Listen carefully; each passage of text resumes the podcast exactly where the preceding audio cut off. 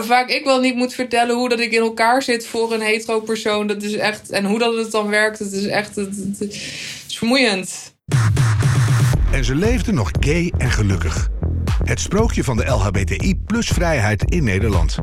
In 2021 was er een hoop te vieren in Nederland. Het burgerlijk huwelijk werd 20 jaar geleden opengesteld voor paren van gelijk geslacht. Het COC bestond 75 jaar. En 50 jaar geleden werd wetsartikel 248 bis geschrapt uit het wetboek van strafrecht. Homoseksualiteit was niet langer strafbaar. Maar de strijd om gelijke rechten en veiligheid voor iedereen is nog lang niet gestreden. Hoe is de stand in LHBTI plus land? En wat moet er veranderen zodat vrijheid voor iedereen geen sprookje blijft? In deze podcast praat ik met ervaringsdeskundigen over hun leven. Wat ging er goed? Wat helemaal niet? En wat kan en moet er beter voor de LHBTI-plussers in Nederland? Sen van Beek, 32, opgegroeid in Kaatsheuvel, woont half in Zaandam, half in Amsterdam, sport en wandelt graag en is personal trainer en voedingscoach bij diens eigen bedrijf We Are Queer. Traint daar vooral transgender personen, is bezig geld in te zamelen om een queer gym te kunnen openen, een sportschool voor iedereen uit de LHBTI plus gemeenschap. Sen, als er een LHBTI-letter bij jou past, welke is dat dan? Ja, dat is een, ik vind dat soms een lastige vraag. Omdat ik dus, ik ben non-binair. En Mhm. ehm, daardoor eh, is er eigenlijk, ja, voel ik me dan wel meer queer. Dus dan ja, is dan de LHBTQ-letter. Ja. maar dus dus ja, ik denk dan gewoon queer, omdat dat het meest omvattende is uh, voor een non-binaire genderidentiteit. Uh, ja. Met dan mijn seksuele voorkeur erbij ingepakt, zeg maar. dus een, be een, beetje, een beetje dat. En een beetje ook, ja, en ook de T. Want ik, voel, ik ben dus wel non-binair transgender. In, in, ik, ja, voor mij voelt dat uh, uh, zo. Ja, dan kom je onder die Q uit. En de, vroeger had je natuurlijk, uh, ben je homo of ben je lesbisch? En dan, kon, dan hadden we twee keuzes. En dan was het meteen duidelijk voor de rest van Nederland. En ja. bij die Q zit je wel eens te, te, te, hengelen ook van, ja, wat hangt er allemaal onder? Werkt, werkt zo'n letter nog voor jou? Dat je denkt, ja, queer, dat zegt toch wel iets. Of is dat juist ook lekker vaag? Nee, ik vind dus juist dat queer echt iets zegt. En dus uh, vandaar ook dat ik mijn bedrijf We Are Queer heb genoemd. Omdat mm -hmm. queer voor mij en ook voor heel veel om mij heen echt een, een, een meer overkoepelende term is. En minder hokjesmatig, maar meer inclusief. En dus dat het dan niet zozeer uitmaakt hoe dat jouw genderexpressie is of hoe dat jouw seksuele identiteit is. Omdat het mm -hmm. dan meer een, ja, een normaal iets is en minder dat mensen worden afgerekend of afgewezen op, op, op het letterhokje waar ze in passen. Ja, en dat je dan ook uh, eenmaal in zo'n letterhokje mag je er ook niet meer uit. Dan ben je dat punt. Ja, of dan mag je niet met de andere letterhokjes zijn. Of zo, weet je wel. Ja, ja. ja wat, wat doe jij hier in mijn letterhokje? Ga eruit. Ja, ja, of ja, ik mag niet met jou communiceren, want jij zit in een ander letterhokje. En dus wij kunnen geen vriendjes zijn of zo. En queer is meer, iedereen mag gewoon zijn zoals dat hij is. En iedereen he heeft elkaar lief en is gewoon, het is ja, hmm. voor mij gewoon een veel mooiere, ja, ja, ja. Ja, ook gewoon een mooiere, mooiere manier van het omschrijven. In dat het ook niet zoiets slechts is, wat soms nog wel voor heel veel mensen zo voelt. Oh ja, ik vind het ook wel, als je, als je het zo uitlegt, vind ik wel een mooie uitleg. Dat je ook kan voorstellen dat je daar uiteindelijk uitkomt. Hè? Dat we over 10 jaar of 15 jaar hebben we misschien al die letters niet meer nodig. Het is gewoon queer. Ja. En dan is queer misschien wel weer voor heel veel mensen, voor die heterootjes, wel weer een soort. Oh, het is weer queer van weird. Maar dat, dat, daar wennen we dan wel aan. Het is gewoon, uh, er zijn ook nog andere dingen dan hetero. En uh, vraag maar gewoon waar ik dan zit. Ja, ja. Of, en, en dat je dan misschien inderdaad ook gewoon niet meer zo uit de kast hoeft te komen. En dat nee, het dat. gewoon. Ja, dat zou ook fijn zijn, hè? ja, man, echt. hoe vaak ik wel niet moet vertellen hoe dat ik in elkaar zit voor een hetero persoon. Dat is echt. En hoe dat het dan werkt, het is echt. Het, het, het is vermoeiend. Ja, doe je dat nog steeds? Want ik kan me ook voorstellen dat je zegt: Ha, ik ben Sen. En leg jij maar eens uit hetero hoe jij in elkaar zit. Begin maar. En dat doen ze ook nooit. Nee, dat doen ze nooit, nee. Maar dat, ik vind dat dus nog steeds wel een hele enge stap eigenlijk om te nemen om dat te doen. Omdat, mm -hmm. ja, je. Ik weet niet. Je voelt je. Ik voel me heel vaak als ik dan toch. dat ik toch nog iets meer van iemand vraag om te doen. Omdat ik dus een uniekere samenstelling ben dan dat een gewone cisgender hetero persoon Ja. is. En, Ja, dat, en, ja. en eigenlijk is dat heel verkeerd dat ik dan iets moet inleveren. Want waarom zou ik dan die Google-functie aan moeten zetten over mezelf? Ja, maar dan ben, dan ben je er nog niet, hè? Dat is nog een groeiproces, denk ik. Dat gaat, Ja, er, wel een keer, ja. gaat er wel eens over. Dat je bent gewoon zen. Nou, Ja, dag. ja, eh, precies. ja. Hey, ik ga straks wel... Ik wil ook weten hoe dat bij jou de eerste keer was uit de kast en noem maar op. Maar eerst even, want dat vond ik zo leuk. Een queer gym. Ja, Is vet, daar hè? behoefte aan? Ja. Ja, ik, ehm, ja ik, ik heb daar al jaren de droom van. En toen ik eigenlijk op een punt was waarop ik zoiets had van... oké, nu ben ik er klaar voor om zoiets op te gaan zetten. Het is natuurlijk best wel een groot concept eh, om zo'n bedrijf op te zetten. Ja, toen kwam eh Ome Co. En eh, toen eh, ging de hele wereld op slot in 2020. Dus toen, toen ben ik online gaan starten. En dat is hartstikke leuk. En ik kan daar heel veel mensen al mee helpen. En ik heb daar al veel mensen mee geholpen om eh, gelukkiger met zichzelf te zijn. Maar voor mij was het nog steeds heel erg die droom om gewoon wel gewoon een plek te starten die inclusief en verwelkomend is en, en accepterend is. En ja, ik wist al eigenlijk vanaf het moment van mijn eigen gevoel gewoon van dat die nood er is om gewoon ergens te zijn waar je gewoon jezelf mag zijn en waar je begrepen wordt. Aha. Maar ik voel, ik, hoe, met hoe meer mensen ik erover ging praten. En ook gewoon mensen dus buiten de transgendergemeenschap. Want daarvan er zijn ook heel veel onderzoeken al geweest dat dat daarvoor nodig is. En dat mensen Ja. zich niet happy voelen in een, en veilig voelen in een gym. In een reguliere gym. Maar ik, ja, hoe, met hoe meer mensen ik erover ging praten, hoe meer mensen er ook echt over kwamen van. Ja, ja, ik zet altijd eigenlijk een soort van dat, dat maatschappelijk geaccepteerde eh, heteronormatieve maskertje van mezelf, wat ik ergens in een kastje heb liggen, dat zet ik, dat zet ik dan op om, eh, om als een soort van ja, spookwolk, zeg maar, door die sportschool heen te gaan, zodat ik niet opval en zodat ik me, me- geen risico loop, Ja. wat dat dan ook maar mag zijn. En dan ga ik je even onderbreken, want het is echt heel veel wat je noemt. Laten we eerst eens even bij dat, bij dat hetero-spook. Ja. dat heb je natuurlijk zelf ook ondervonden. Dan ga je naar een sportschool en dan voel je daar eigenlijk helemaal niet lekker. Nee. En waar, waar, zit hem, waar zit hem dat dan in? Want ik, ik zit in mijn sportschool ook wel eens te kijken naar de sport van alles om me heen. Van kreunende bejaarden tot aan spierbonken. En, en dan denk ik, ja, ik vind het ook eigenlijk helemaal geen leuke omgeving. Maar het moet nou eenmaal. Maar kan je het dan echt leuker maken als je een, een queer gym hebt, inclusief? En want dan heb je ook zeer gespierde homo's. En eh, eh, hele fanatieke lesbo's. En eh, weet ik veel wat je allemaal hebt. En, maar dan kan het toch inclusiever worden, al met al. Ja, dat denk ik wel. Want het moet ook gewoon een plek zijn waar bijvoorbeeld dikke mensen gewoon kunnen sporten zonder dat ze de nood voelen om af te vallen. Ja. Hè, want ik denk wel dat onze community een gemeenschap is die veel meer diversiteit accepteert en verwelkomt. Maar dan krijg je waarschijnlijk zin dat als dat gaat lopen. en dan, komt er ook eens een, een per hetero mee. Dus begin eens met een vrouw. En die denkt dan: het is hier veel leuker. En dan mag die dan ook meedoen. Want ik, ik, dat wordt misschien ook wel weer de norm. Dat we willen gewoon niet van die rare eh, hetero-sportscholen. We willen gewoon gezellige plekken waar iedereen welkom is. Nou, ik kan altijd franchisen, maar. ehm, nee, Ja. eh, kijk, natuurlijk, die vraag die krijg ik altijd. En ja, ik ga, ik ga niemand uitsluiten. Want een transgender persoon kan ook in een relatie, in een heteronormatieve relatie zitten. Ja. En met hun partner willen sporten. Of een, eh, hè, een homoman kan een, kan een broer hebben. Eh, die hetero is, maar waar ze echt beste vrienden mee zijn. Eh, Ja. Daar ga je geen nee tegen, tegen zeggen. Maar Nee. iedereen die krijgt gewoon een intake. Dus voordat jij gaat sporten, je kan niet gewoon je abonnementje online kopen en gewoon maar komen opdagen. En Oh, er- dat, Het wordt heel persoonlijk. het wordt heel persoonlijk. En mensen worden dus ook verteld van... ben je op de hoogte wat onze visie is? Ben je, eh, weet je waar wij om staat, we- waar wij voor staan? Weet je wat onze veiligheidsprincipes zijn? Ehm, en weet je ook dat we dus niet een plek zijn... waar je je nieuwe gay best friend kan ontmoeten?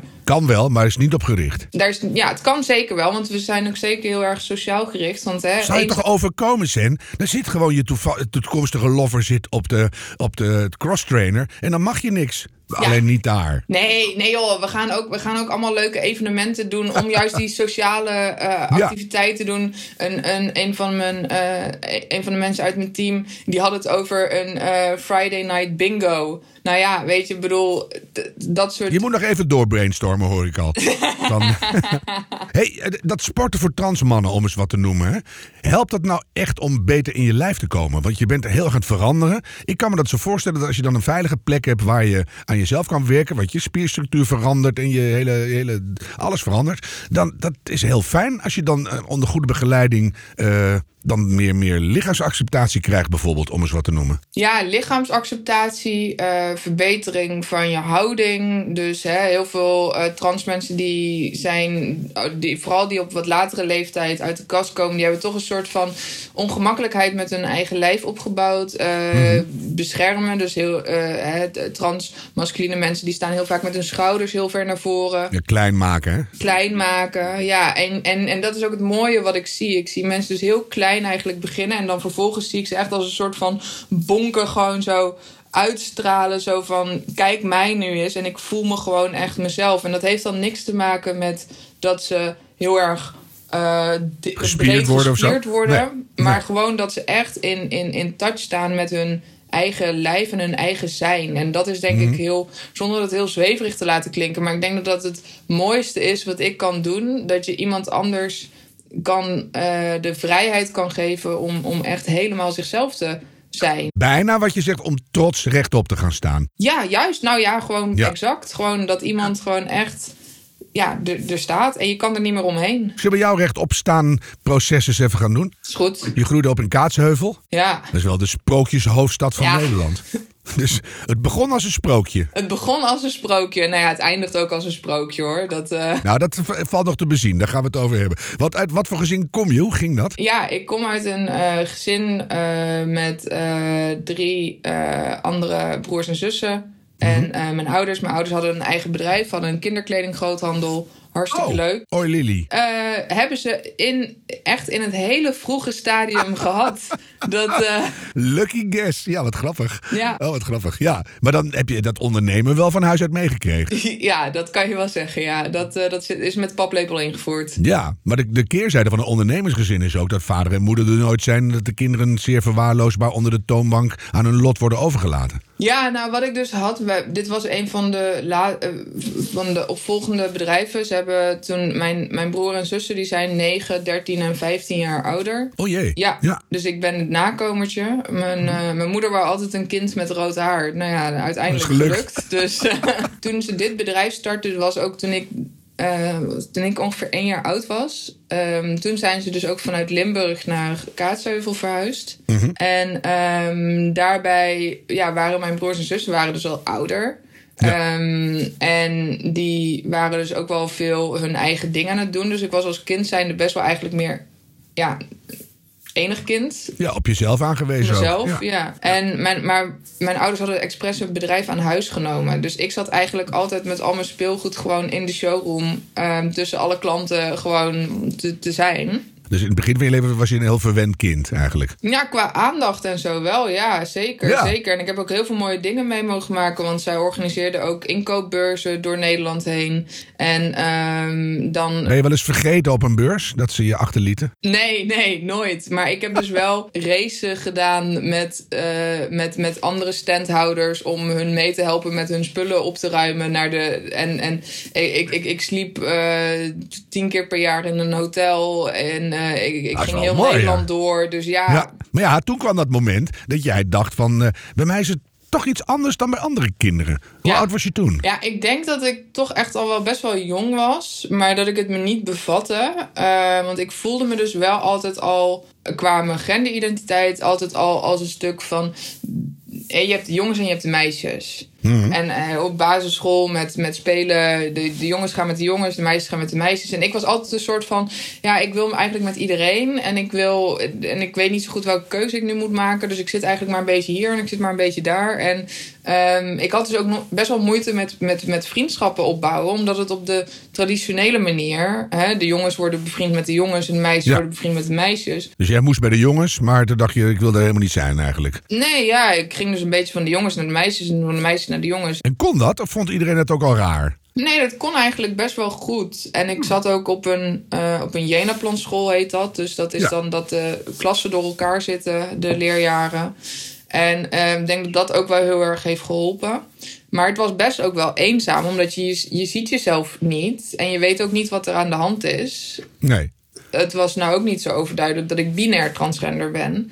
Dus Nee, dat was je nog lang niet. Je Nee. was gewoon nog... Want, want hoe ging je de puberteit in? Hoe heb je dat opgelost? Nou, mijn puberteit was best wel heftig. Eh, mijn vader en mijn zus zijn overleden los van elkaar eh, toen ik 13 was. Nou, wacht even. Ja. Op, eh, in datzelfde jaar. ja, mijn vader is in november overleden en mijn zus in maart daarop volgend. Potdomme. Ja, en mijn Ja, vader. dan, eh, dat is wel, dan heb je wel even... Hier, hier heb jij ook wat. Hè? Ja, Poef. ja. En eh, mijn vader dus plotseling. Ja. En mm, waarschijnlijk ten gevolge aan de bloedafwijking die ik zelf ook heb, waar ik dus op mijn vijftiende eh chronisch ziek van werd. Aha. En eh, mijn zus is overleden aan borstkanker toen ze 28 was. Ja. Heel jong. En wat, hoe, hoe, hoe was dat voor jou? Kon je daar nog iets mee? Of eh, was dat jarenlang eh, van, van ik ben nu de weg kwijt en we moeten maar zien hoe ik weer op het spoor kom? Nou, eigenlijk, het gaf dus toen heel veel vrijheid, omdat de, dus de eh, gevoelens van, oh, ik val op vrouwen. ehm, dus ik ben in, in die situatie, ik ben lesbisch. Ja. dat, was, dat was voor mij heel, heel makkelijk toen. Mhm. Dus ik kon me gewoon helemaal daar instorten. En ik stond op mijn veertiende stond ik op de panfeesten in Utrecht. En eh, de, de, dus dat, dat, dat was een hele verademing. En ehm, Ja. bevrijding, zeg maar. Gewoon qua dat ik wist van oké, ik, hoor, ik, ik, ik hoor tot die groep. En, Ja. ik, en ik word daarin geaccepteerd en verwelkomd. En dat, dat, dat was eigenlijk best wel makkelijk. Maar ook, ook misschien omdat je moeder andere dingen aan de hoofd had. Ja. Die was ook een beetje de jongste kind kwijt. Want die, ze zat thuis in de rouw. En dat kind dacht van, eh, ik heb andere plannen. Ik ben even in Utrecht op de panfeesten. Nee, mijn moeder die was eigenlijk heel erg met zichzelf in, de, in het overlevingsproces. Want Ja, die had in één keer de wel. partner niet meer en wel nog het bedrijf. En Mhm. eh, dus die was echt in het overlevingsproces. Dus ik ben eigenlijk daarin best wel op mezelf aangewezen geweest tot, tot, totdat ik dus uit huis ging op mijn achttiende. Ja. En hoe was het om als lesbisch meisje door Kaatsheuvel te lopen? Kon dat? Ja, kon dat, ja. Ik hoor Ja. je denken. Brabant, Brabant is een beetje van, hè, doe maar normaal, dan ben je al gek genoeg. En dan Ja. kan eigenlijk alles wel, zolang je maar normaal doet. Mhm. Dat deed jij niet. Nee, nee, ja, nee. Ik was, ik was al op, op jonge leeftijd geïnteresseerd met mijn lichaam te verrijken met, met kunst door tatoeages te nemen. En ik heb rood haar. Dat is nog steeds voor heel veel mensen heel erg opvallend en anders. Dat is voor mij de reden om om te fietsen. Vind ik altijd zo mooi. Ja, nou ja. Maar ja, daardoor krijg je ook veel aandacht. Of mensen het nou mooi vinden of niet mooi vinden. Het valt Maar was het altijd, op.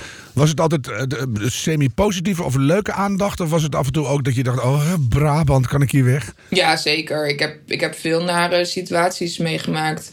Met eh, bedreigingen, met messen. ehm, door jongens achtervolgd te worden. Ehm, heel veel mannen die, je- hun, die hun broek naar beneden trekken. Oh, dat kan ook. Ja, Is, ja. dat, is dat typisch Kaatsheuvel of is dat vaker? Nee, dit, was, dit was dan in het uitgaansleven in Tilburg. eh, Oh ja. in, de, in, de, gay, eh, in de gay kroegen daar. ehm, dus toen was ik net iets ouder wel. Toen, nee, gewoon mannen die hun broek naar beneden trekken en zeggen van... ja, ik heb wel iets wat jou kan genezen. oh ja, in een homokroeg. Ja, ja, een homo. Ja, een ho- ja, ik noem het altijd maar gewoon een gay bar. Want het is Ja. dan. Ja, het is, het is gemengd. Dat klinkt toch als licht heteroseksueel gedrag als je mensen Ja. willen genezen. Ja. Ja, dat, En hoe, hoe ging je daarmee om dan? Is dat dan weer een reden om naar binnen toe te kruipen? Dat je denkt van nou, ik ga toch maar wat onopvallender proberen te zijn? Of dacht je van nou, eh, ik, ik ga nog beter mijn best doen om te laten zien wie ik ben? beide.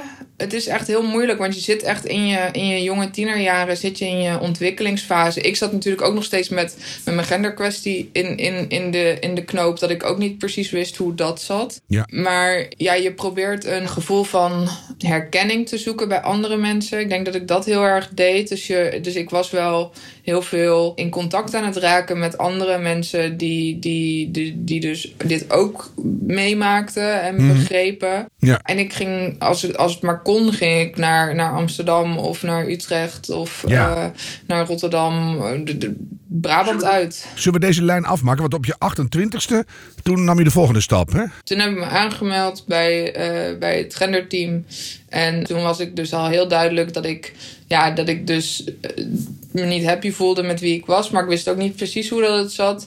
En ehm, ik had al een paar jaar iets gehoord van non-binair zijn. En van ehm, ja, genderqueer en al die termen. Mhm. En toen, ja, dat viel eigenlijk gewoon best wel op een plek voor mij. Alleen doordat ik er zo weinig van zag en zo weinig over hoorde, ehm, leek het ook bijna alsof ik het niet kon accepteren voor mezelf. Dat dat, een, uh, dat dat iets is wat echt mag. Omdat het omdat je het zo weinig ziet. Het bestaat eigenlijk niet. En dan denk je, oh, dan ben ik zeker weer een van de twee die dat heeft. Nou, uh, dat kan dus eigenlijk niet. Nee, er zou zo, zo kleine kans zijn dat ik dat heb. Of dat ik dat ben. Dat dat, dat, ik, dat, dat dan ook echt daadwerkelijk bij me past. Dus toen ben ik heel blij dat ik, dat ik vrij snel bij het genderteam terecht kon.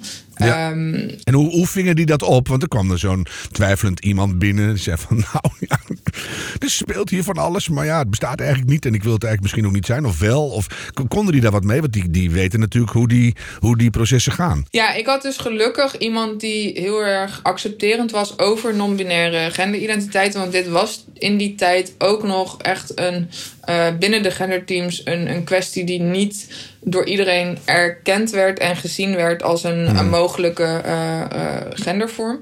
Um, Dus dat, daar was ik heel blij mee. Dat ik daar um, heel veel vrijheid in kreeg. Ja, eigenlijk zag zij heel snel dat wat ik omschreef, dat, dat dat echt was hoe ik me voelde. Hmm. En heeft zij mij eigenlijk gewoon meer die zelfverzekerdheid gegeven om daadwerkelijk dat gewoon toe te eigenen. En om te accepteren van mezelf. Dus... En was het alleen een, een, psychische ontwikkeling die je door moest maken, of moest je ook nog met jezelf aan de slag? Ja, nee, ja, sowieso ook gewoon. Het psychische stuk is het eerste stuk, is het zwaarste stuk. Ja. Die zelfacceptatie. Maar ja, dan, dan kom je in een wereld waarin niks is ingericht op jouw non-binaire genderidentiteit. Nee, dat bedoel ik. Dus wat kies je dan? En, en wat heb je gekozen? Ja, nou ja, uiteindelijk heb ik dus gekozen om. Uh, ik heb dus heel lang ook nog zitten oefenen met, met welke uh, voornaamwoorden passen bij mij. En uh, hè, in, in hoeverre ben ik transmasculien. Ja. Hè, dus wil ik verder in transitie, wil ik niet verder in transitie.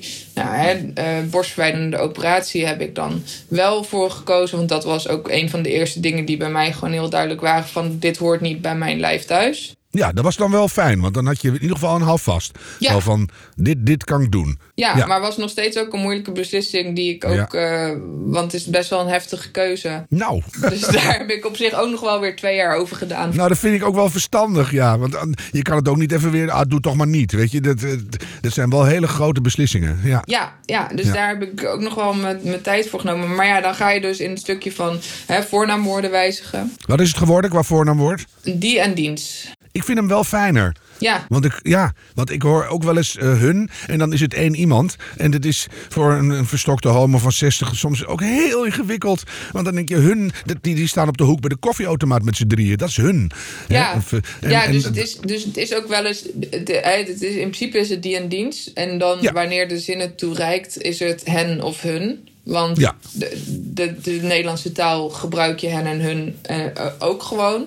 En die en dienst zijn natuurlijk uh, is meer oud-Nederlands. Ja, maar dat vind ik wel mooi. Heb ik ook gestudeerd, dus dat is wel goed. En, en misschien kunnen we op den duur, want dat queer gaat ook haar eigen leven leiden nu, denk ik. Kunnen we ook eens een keer een nieuw woord bedenken. Of een setje nieuwe voornaamwoorden. Zou ook wel een idee zijn. Zou op zich wel een idee zijn, maar ik moet zeggen, ik voel me wel heel erg comfortabel bij die en dienst. En ook mhm. omdat het dus heel erg gemakkelijk is om het dus in te voeren in de taal. Ja, en ook dat uh, nieuwe Nederlanders, die kunnen ook heel makkelijk die, hè? Ja. Die zeggen tegen alles die. Dus dan, uh, dan is dat, hebben we dat ook vast binnen. En dus kinderen ook, hè? Ja, kinderen ook. Die zeggen ook die. Ja. En dan, ja, nou zit je goed. Hey, en toen, dat is de 28 volgende stap. Toen was je er nog niet. Met je, op je 30 heb je echt de, de definitieve stap gezegd. Ik ga er gewoon een Q aan hangen. Ja. Queer. Ja. Queer. Ja, ja. Dus toen heb ik nog heel lang dus... Hè, want je hebt ook non-binaire mensen die dus non-binair en lesbisch zijn. Maar voor mij voelde die term gewoon niet meer passend. Um, dus toen heb ik gezegd: Oké, okay, ik ruil de L in voor de Q. En dan, uh, ja. en dan is. Ja, maar je merkt bij jou zo goed, Sen, dat je hele leven is best wel een lastige zoektocht. Ik merk, ik vind het ook, als ik met je praat nu, heel bewonderenswaardig dat je daar zo zuiver in gezocht hebt. Misschien klinkt dat nu zuiverder dan het was, dat het ook heel lastig was soms, maar zo komt het wel over. En dat je dan op een gegeven moment ook denkt: ja, maar ik wil niet zo'n beperkende letter. en, en dan wil ik gewoon een veel ruimere term. En dan zie ik wel een beetje hoe ik daaronder pas. Dat begrijp ik nu wel steeds beter. Ja, maar ook gewoon een meer liefdevolle term en een meer Ja. accepterende term. Want queer is niet iets wat de heteronormatieve Nederlander al heeft gebashed tot een bepaald type persoon. Stomme lesbolla. Nee. Precies. Dus- Of die homo, of die eh, welke andere term er ook maar voor gebruikt wordt. nou, heel veel termen hebben we. Ja. Heb jij nou het gevoel, Amsterdam is natuurlijk wel eh, de, de place to be ook soms, dat we nou in een land zijn aanbeland. Eh, je zei van nou in mijn jeugd eh, hele nare dingen meegemaakt. Is dat nog steeds? Of eh, is dat beter geworden? Ik heb geen harde bedreigingen meer meegemaakt, gelukkig. Mhm. Ehm, maar is het beter geworden? Nee. Dus ik voel, ik voel me onveilig heel vaak als ik over straat loop. Waar zit dat in? Ik denk doordat de zichtbaarheid en de accep- acceptatie niet, niet daar is waar dat het moet zijn om, om veiligheid te kunnen creëren. Ja, en is dat dan ook door gedrag van mensen? Ik bedoel, ze kijken misschien naar je. En, en dat heb ik ook wel eens, maar dat is bij mij een andere oorzaak. Maar dat voelt soms ook heel bekeken. En eh, eh, of, of roepen ze dingen naar je? Of eh, snijden ze je af in het verkeer? Of wat gebeurt er? Nou, dus snij je me af in het verkeer. Dat is wel vaker gebeurd. Mensen die in een auto zitten, die de raampjes open doen en die naar je schreeuwen: hey, ben jij een man of een vrouw? Oh ja. Dat is ook regelmatig gebeurd. Zeg, en wat, zeg je dan nog ook iets of niet? Nee, meestal pak ik dan gewoon uit reflex mijn telefoon en begin ik ze te filmen of, of dat soort Oh, dingen. En ja, omdat, omdat ik dan gewoon denk, om, dat ik denk van ja, maar als ze nu stoppen en ze gaan iets doen, dan heb ik ze tenminste wel gewoon Ja. vastgelegd op, op beeldmateriaal. Wat, wat alert van je en wat dapper.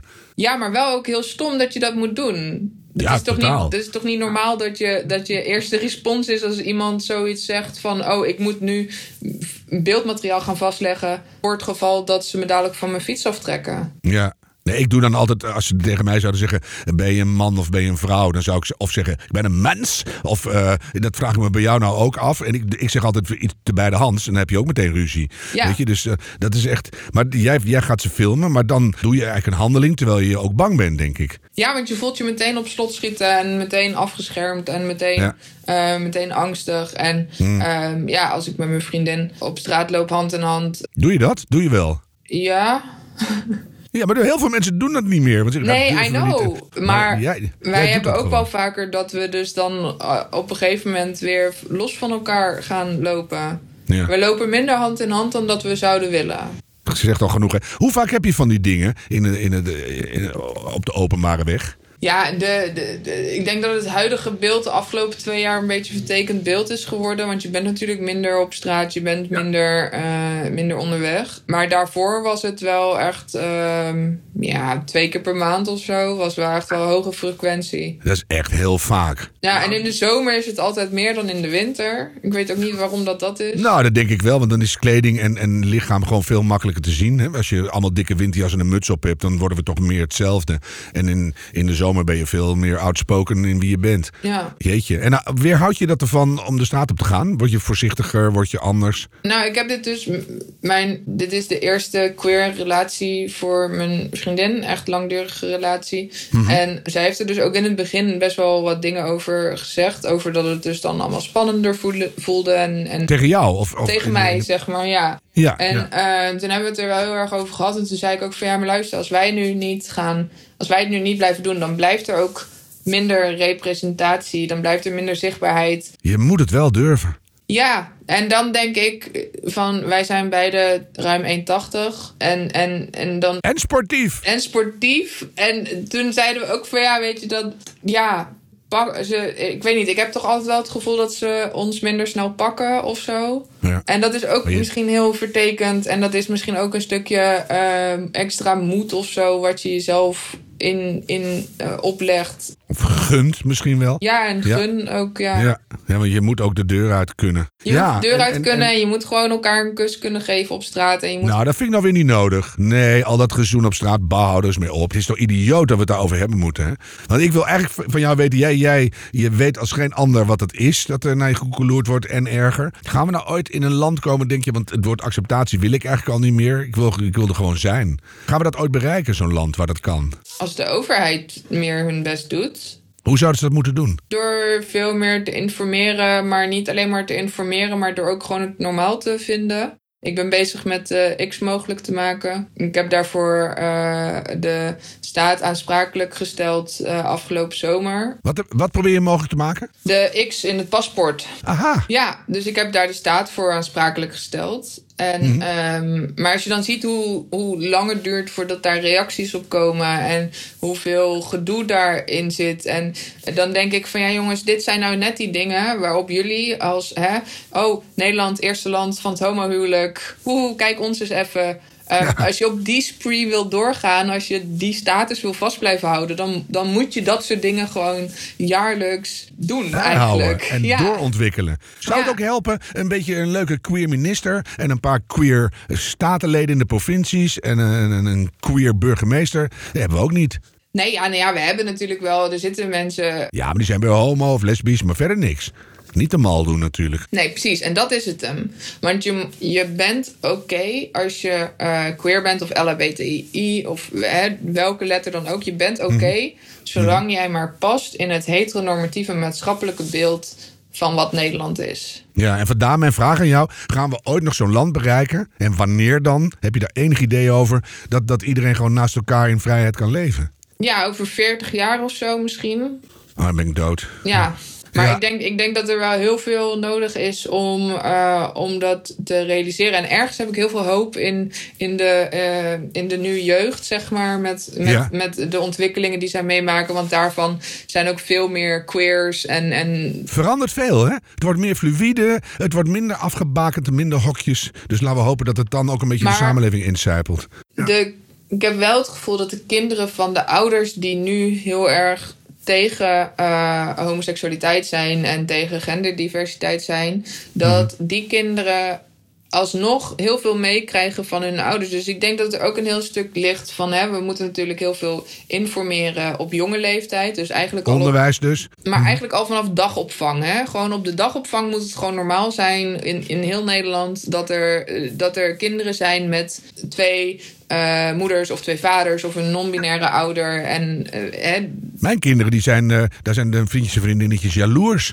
Want die hebben twee vaders en twee moeders. Oh, ja. Wou dat wij dat hadden. Dus zo kan het ook. Als ik het samenvat wat je zegt, is het eigenlijk ehm, veel meer zichtbaarheid. En veel meer laten zien dat het, dat het oké is en gewoon. En, en dan zou het uiteindelijk. En misschien ook harder optreden tegen alles wat, wat echt niet kan, hè, denk ja, ik. en meer onderzoek. Want er is helemaal niet. Want dat merk ik ook met het opzetten van het bedrijf. Er is helemaal niet zoveel onderzoek. En de onderzoeken die er zijn, die zijn niet volledig inclusief. En die zijn niet accuraat. Dus er moet veel meer onderzoek worden gedaan. En dan niet een onderzoek van. Laatst was er, ik weet niet meer in welke krant, maar er was een onderzoek gedaan over iets van de veiligheid. En er waren tien mensen ondervraagd. Nou, dat, ja, dat is heel representatief. Ja. Nee.